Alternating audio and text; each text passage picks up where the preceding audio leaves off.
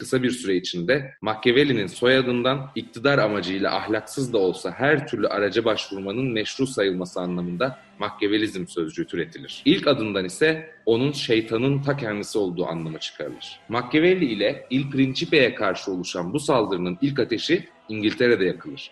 Henüz 1547 yılında Kral 8. Henry ile papalık arasındaki tartışmada Başbakan Thomas Cromwell, Roma Kilisesi'nin savlarına karşı Il Principe'de dile getirilen bazı görüşleri öne sürer. Bunun üzerine papalık yanlışı Canterbury Piskoposu Reginald Pole, Il Principe'nin şeytan eliyle yazıldığını söyler. Papalık, Machiavelli'yi mahkum edip Il Principe'yi yasaklar. Fransız protestanları olan Huguenotlar, Saint Barthélemy kıyımının Il Principe'den esinlenmiş bir Floransa kurnazlığı olduğunu ileri sürüp Machiavelli'yi cizvitliğe yaklaştırırlar. Shakespeare ondan katil diye söz eder. İkinci Friedrich, Veliaht Prens iken Machiavelli'yi çürütmek amacıyla kaleme aldığı Anti-Machiavelli adlı denemesinde onu insanlığın düşmanı canavar olarak nitelendirir. Sonuçta Machiavelli'nin adını anmak bile suç haline gelir ve ondan genellikle Floransalı sekreter olarak söz edilmesi alışkanlığı yerleşir. Bu arada krallar ile devlet adamları Il Principe'yi monarşinin el kitabı olarak kabul edip başuçlarından ayırmazlar. Papa 5. Sixtus kendi el yazısıyla Il Principe'nin bir özetini çıkarır. Fransa kraliçesi Catherine de Medici,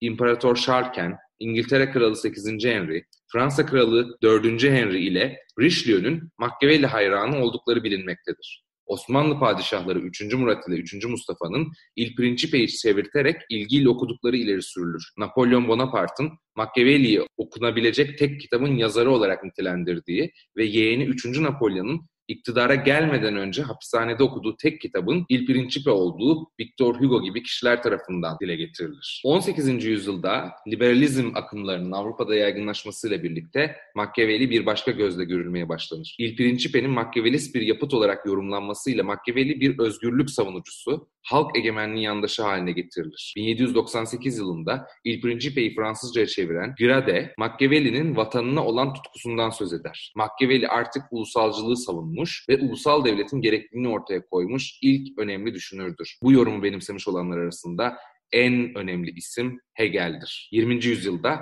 Machiavelli'nin militan okunmaları başlar. Mussolini, Machiavelli'nin öğretisi bugün 400 yıl öncesine göre daha canlıdır diyerek onu faşizm ile ilişkilendirir. Gramsci ise Machiavelli'nin devrimci niteliğini vurgular ve modern prens üzerindeki denemesiyle onun düşünsel mirasına İtalyan komünizmi adına sahip çıkar. Okuduğum bu satırlar Levent Köker ve Mehmet Ali Ağaoğulları'nın Tanrı Devleti'nden Kral Devlete isimli kitabında Machiavelli ile ilgili bölümde geçiyor. Merhabalar, Machiavelli Podcast serisinin 3. programına hoş geldiniz. Ben Alp Cenk, arkadaşlarım Kürşat ve Yusuf ile karşınızdayım. Merhaba arkadaşlar. Merhabalar. Machiavelli'ye geldik. Birinci bölümümüzde Sen Agustinus'u, İkinci bölümümüzde ise Thomas Aquinas'ı konuşmuştuk. Şimdi Niccolo Machiavelli'yi konuşacağız. Biz bu programı 3 bölüm halinde yapmayı planlıyoruz. Çünkü e, programımıza isim veren, yani podcast serimize isim veren Machiavelli'yi tek programa sığdıramayız. Hatta iki programa bile sığdıramayız diye düşündük. Programa başlarken tekrar her zaman olduğu gibi Kürşat'tan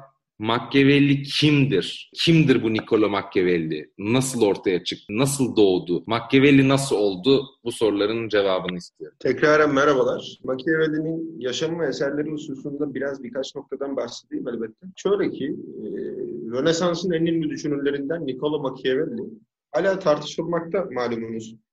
E, kimilerine göre şeytani düşüncenin yeryüzündeki temsilcisi, kimileri içinse modern siyaset bilimine doğru giden düşünsel yolda bir kilometre taşıdır.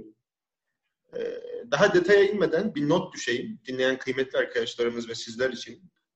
Ee, Machiavelli'yi anlamak için içinde bulunduğu dönemi, şartları e, ve hayatının önemli noktalarını göz önünde bulundurmak değil, göze almak gerekiyor bence.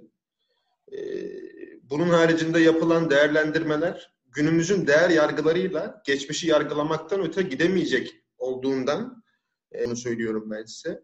Zira skolastik düşüncenin zincirlerinin yeni yeni kırılmaya başladığı bir dönemde büyük e, günümüzün bilgi sistemi büyük farklılıklar gösteriyor. Neyse, e, yaşamını ve eserlerini aktarmaya başlayayım daha fazla uzatmadan ben. Machiavelli şöyle bir adam. 1469 yılında Floransa'da doğuyor. Machiavelli'nin aslında 1498'e kadar olan hayatı hakkında hemen hemen hiçbir şey bilinmiyor diyebiliriz. Bu adam 1527'de ölüyor ama bahsini ettiğim 29 yıllık süreç hakkında pek bir bilgi yok. Ama politik ve yazın hayatı hakkında söylemlerde ve aktarımlarda bulunabilirim. Ee, şöyle ki Machiavelli 25 yaşındayken e, Fransa Kralı 8. Charles e, Floransa'ya girerek uzun zamandır buradan yönetimini elinde bulundurmuş olan Medici'leri buradan sürüyor.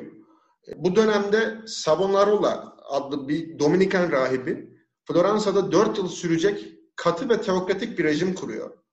Rejim 1498'de kendisinin öldürülmesiyle yıkılıyor.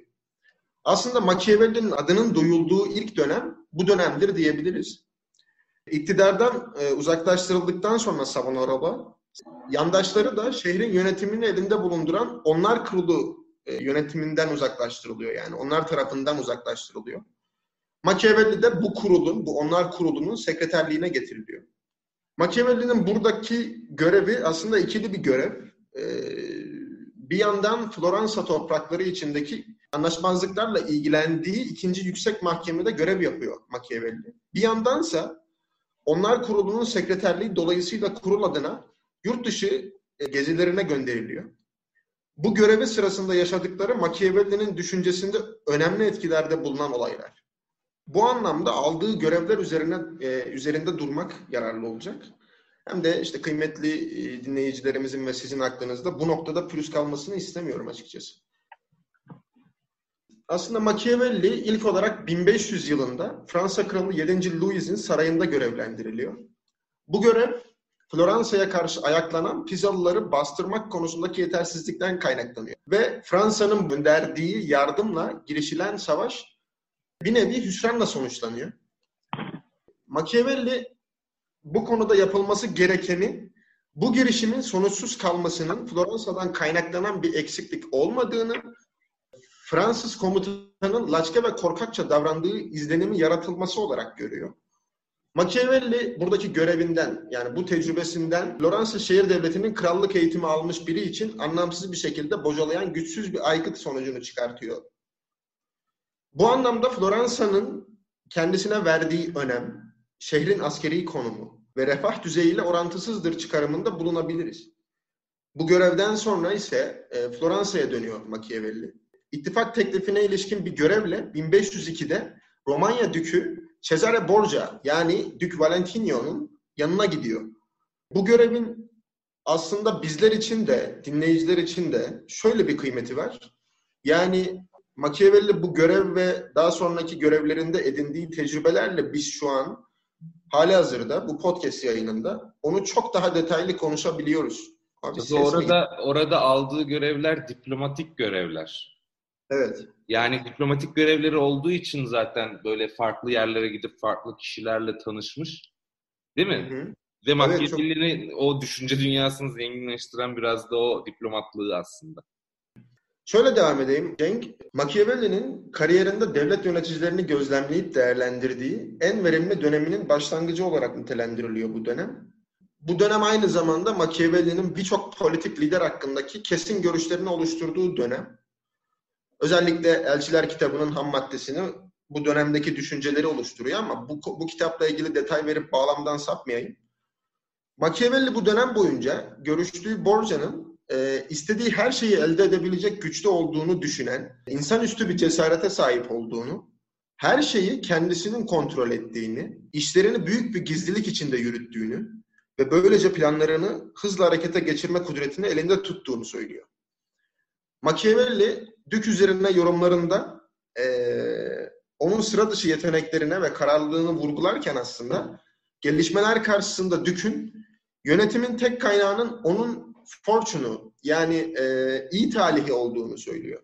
Evet yani o İtalyan şeyiyle e, aksanıyla mı diyelim fortuna dediği şey. Evet. Talih. Evet. En evet. önemli kavramlarından biri Machiavelli. Aynen öyle. Sırada e, yeni bir görevle Roma'ya gönderilerek Dük'ü gözlemleme fırsatına sahip oluyor Machiavelli. Valentino'yu. E, tam görevi bu noktada benim çok hoşuma gitti. Yani yaptığı tam görev aslında şu. Papa seçiminde Borgia'nın alacağı tavır ve muhtemel gelişmeleri öğrenmekle yükümlü kendisi. Asıl görevi bu. Evet.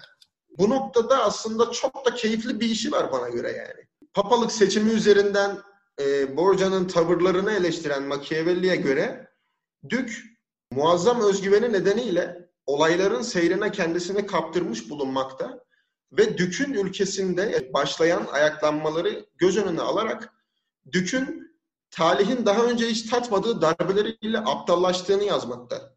Machiavelli'nin gözlemlediği ve düşüncesinde etkili olan bir diğer e, lider ise ikinci Julius.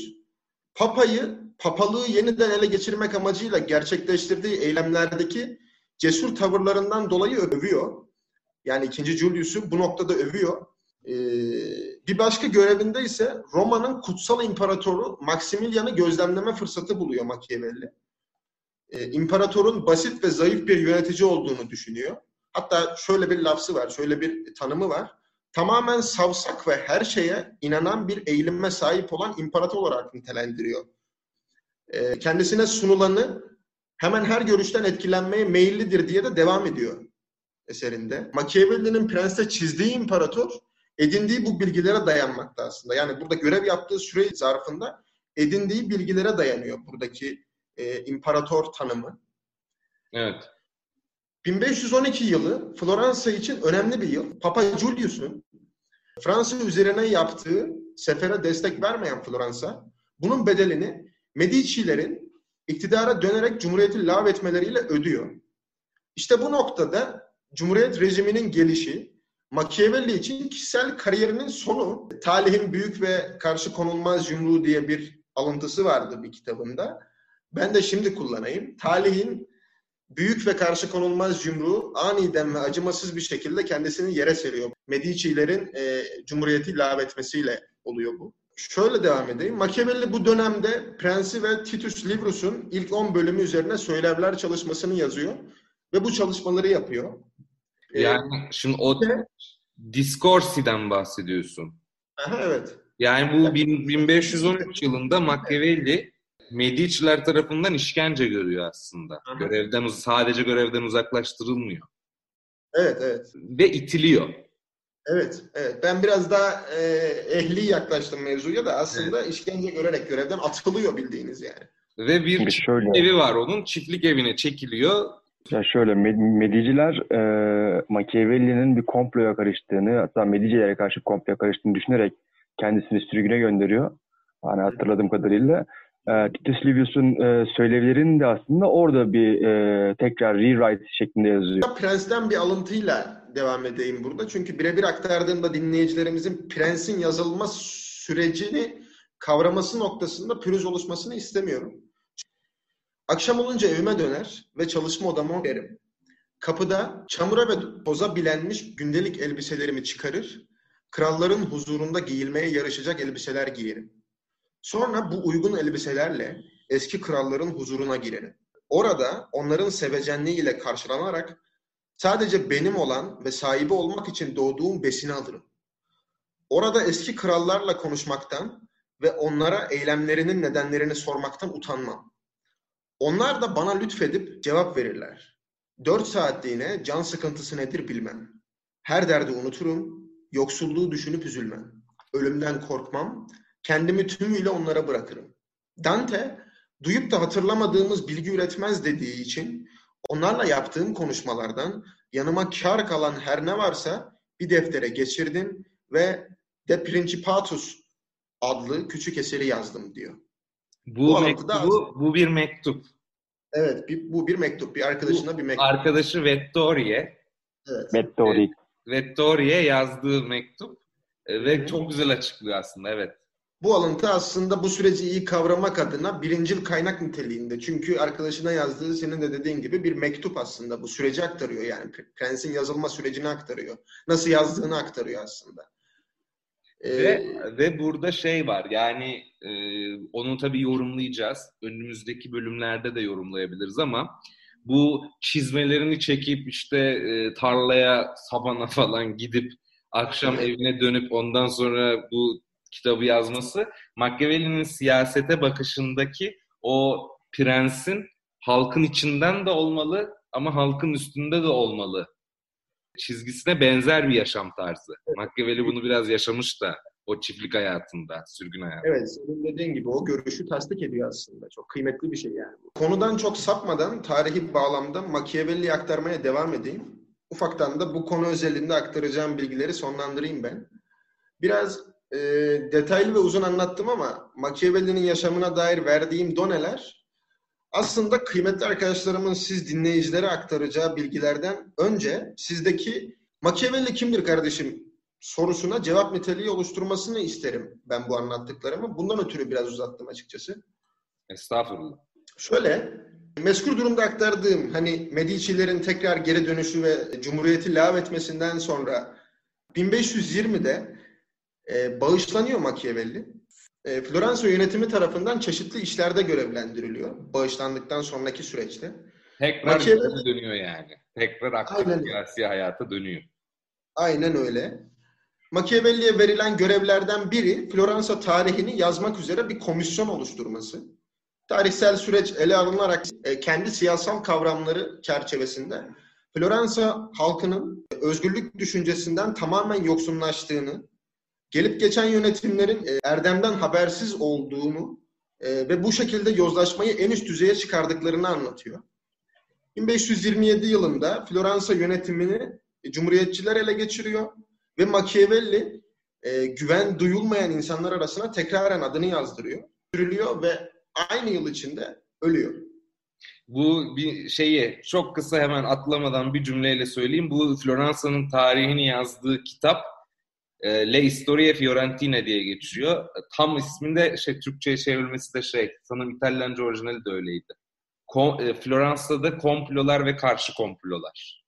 Yani Floransa tam, şimdi, şimdi onu konuşmaya başlayacağız.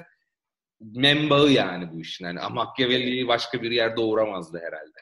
Podcast'ın altına da bu kaynağı e, not olarak düşeriz. Belki dinleyen arkadaşlar e, edinmek isterler. Ben sahaflarda var diye biliyorum bakarız. Yani yeni basımları yok ama eski Türkçe basımları var diye biliyorum. Bu.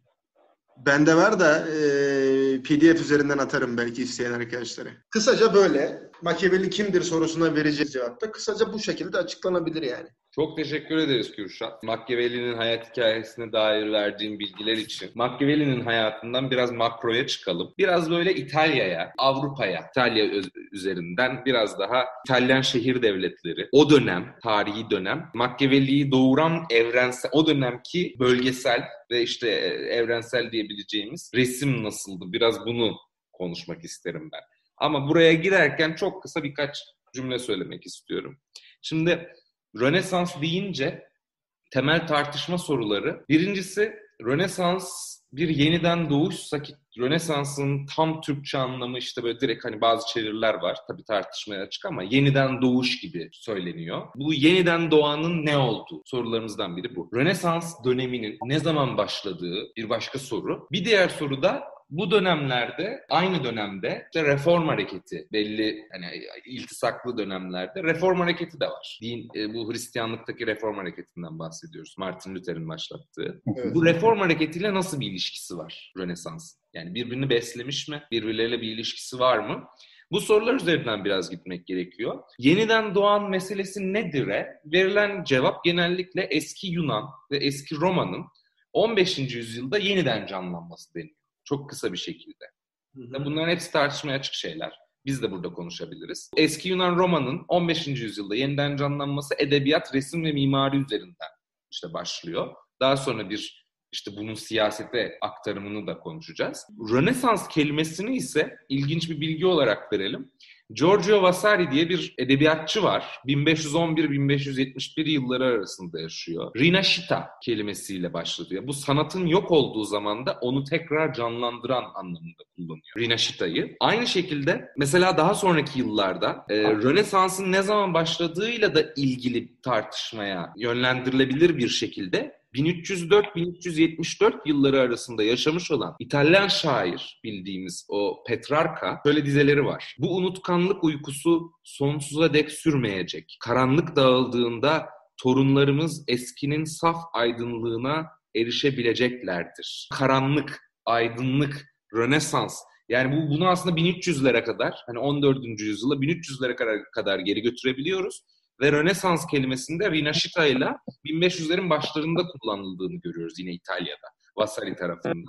1600'lere, 1700'lere daha doğrusu gelindiğinde de bu İngiliz şair bu e, Alexander Pope e, mesela şöyle bir şöyle ifadeler kullanıyor. Avrupa ve Avrupa'nın aklı geceye gizlenmişti. Tanrı Rönesans olsun dedi ve her şey ışık oldu. Yusuf ne diyorsun? Bu kadar kaynak verdik bu kaynaklardan sonra. Ve bu sorular dahilinde. Reformu da unutma lütfen. Bir, bir, bir iki cümleyle ona da gir. Ya en basitiyle yani Rönesans kavramı hani yeniden doğuş, doğan şeyin yani yeni doğan veya yeniden doğan şeyin ne olduğuna baktığımızda aslında Avrupa'daki özellikle işte İtalyan şehir devletlerindeki sanatın yeniden doğuşu diyebilirim veya skolastik düşüncenin e, bir anda halkı rahat bırakmaya başlaması diyebilirim. Reformu da buna katarak hani tabii ki e, ilerlersek ama Martin Luther'in işte o e, kilise duvarına çaktığı o 93 maddelik bir manifesto işte protestanlığın manifestosu da aslında buna benzer bir özellik taşıyor ki yani bu şeyi doğruluyor bir yerde. Yani e, insanlar kilisenin o baskısından artık sıyrılmak istiyor ve tabiri caizse hani yeniden doğmak istiyor. Evet bu reform reform meselesinde aslında reformun da bir süreklilik içinde olduğu, Rönesans'ın da bir süreklilik içinde olduğu tartışması var. Tabi buna karşı çıkanlar da var. Yani Rönesans'ın aslında bir kopuş olduğu, reformun bir kopuş. Hani bu tarihteki e, Kürşat daha iyi bilir. Süreklilik ve kopuş tartışmaları vardır. Bir o e, yani bir işte imparatorluk başka bir devlete dönerken veya bir dönem başka döneme evrilirken arada bir süreklilik var mıydı yoksa şak diye böyle devrimsel gelişmeyle mi bir kopuşla mı e, geçiş sağlandı? Aslında genel olarak benim kendi görüşüm sürekliliğin olduğuna dair. kentlerin büyümesiyle, nüfusun artmasıyla, işte sanatın ve işte uluslararası ticaret refahının göstergesiyle aslında senin dediğin ikinci bağlamda bir değişiklik var. Yani şak diye bir değişiklik yok. Evet bu reformda da bu böyle oluyor. Yani reformda da mesela ticaretin canlanmasıyla hem e, şeydeki yani bu Almanya'daki reform işte Luther'in hem de İsviçre'deki bu Zwingli reformu dedikleri, bu Zürih reformasyonu falan dedikleri olayda da aynı şekilde böyle bir durum var. Bir diğer yandan bu reformun da Rönesans'ın da ekonomik arka planı ticaretin canlanması. Kesinlikle. Aynı şekilde reformun da Rönesans'ın da merkezleri çok enteresan bir şekilde bir tanesi Almanya'da, prensliklerin olduğu Almanya'da, bir tanesi kent devletlerinin olduğu İtalya'da. Yani e, Fransa ve İngiltere gibi ulusal birliğini sağlamış işte güçlü merkez, daha merkeziyetçi diyebileceğimiz yapılar değil de küçük küçük işte devletçikler halinde yapılanan coğrafyalarda ortaya çıkıyorlar. Bu da ilginç bir şey. Evet. Comparative politics açısından. Mesela Zürih Reformasyonu'nun bu Zwingli'nin yapmış olduğu Zürih Reformasyonu mesela Rönesans'tan çok ciddi esinlendiği o Rönesans girdabından esinlendiği söyleniyor. Fakat aralarında farklar da var. Yani onlara da değinmek lazım. Mesela Almanya'da reformda Luther mesela bu Rönesans'ın sahip çıktığı hümanizm fikrine Luther karşı çıkıyor. Çok hümanist bir adam Evet. değil. Ve mesela bir, bir yorum vardı. Özellikle Ağoğulları'nın kitabında vardı. Kökerli Ağoğulları'nın. Patristik felsefeye geri dönüyor e, Luther. Agustinusçu oluyor diyor. Yani o. Aquinas'ın getirmiş olduğu bir önceki programda konuştuğumuz paradigma değişikliğine çok bir gö- göz ardı ediyor yani yatsıyor. Agustinusçu oluyor. Fakat burada mesela Ağoğulları ve Köker şöyle bir e, noktaya da parmak basıyor. Yalnız diyor şunu anlayın diyor.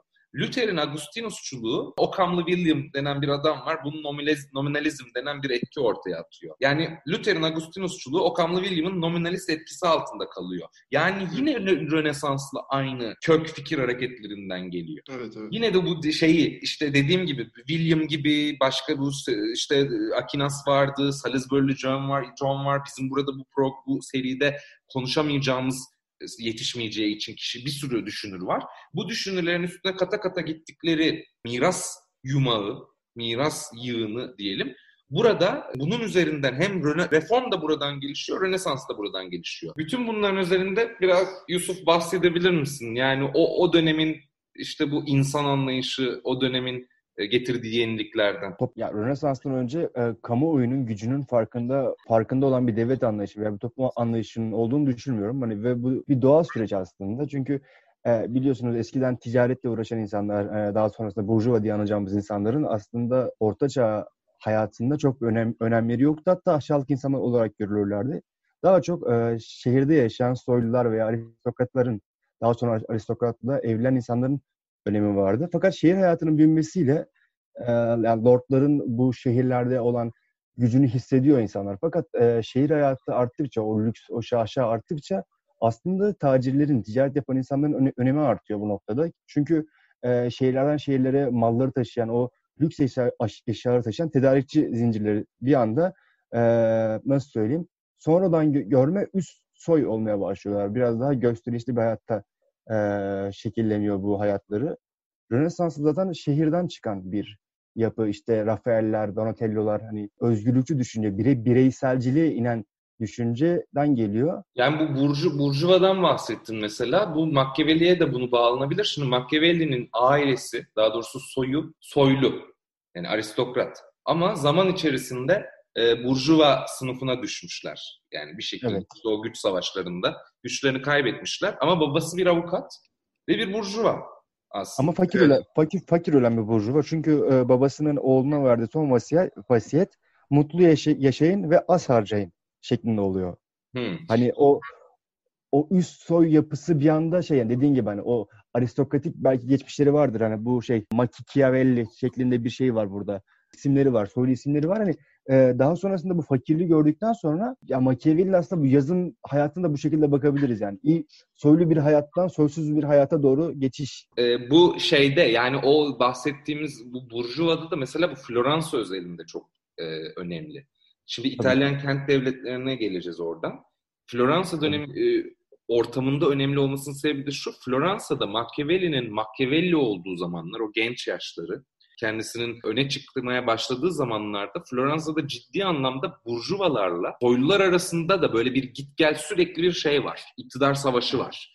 Demek ki biz Evet. buradan şunu görüyoruz. Burjuva soyluları alt edebilecek kadar veya onlarla mücadeleye girebilecek kadar gelişmiş, palazlanmış. Ya da o dönem o, o gücü yeni yeni kavramış diyebiliriz bu burjuvalar için. Hatta şöyle söyle, söyleyebiliriz mesela bu işte Lorenzo de Medici bu şey muhteşem Lorenzo'nun dedesi Cosimo di Giovanni Medici ya bu bankacılık sektörünün babası. Evet, Hani paraları nasıl biriktireceğiz bilmem ne. O yüzden bu hani adam ne kadar soylu veya siyasi bir karakter olsa da tica, hani tüccarlarla iyi geçinmek zorunda ki çünkü para oradan geliyor. Bu İtalyan kentlerine de yansıyor. Şimdi biraz bu demin bahsettiğimiz bireyciliğe değinmemiz gerekirse de İtalyan kentlerinde bir rekabet var. Şimdi hem birbirleriyle rekabet var, birbirleriyle hep kısır mücadeleler içindeler. Mesela bu kaynaklarda şey diye geçiyor işte İtalyan kentlerinin rekabeti öngörülü bireyciliği öğretiyor diyor insanlara. Evet. Ve bu İtalyan ileri gelenler girişkenlik ve maddecilikle yoğruldular diye bir ifade var. Yani bu, bu, bu, bu şartlardan ötürü.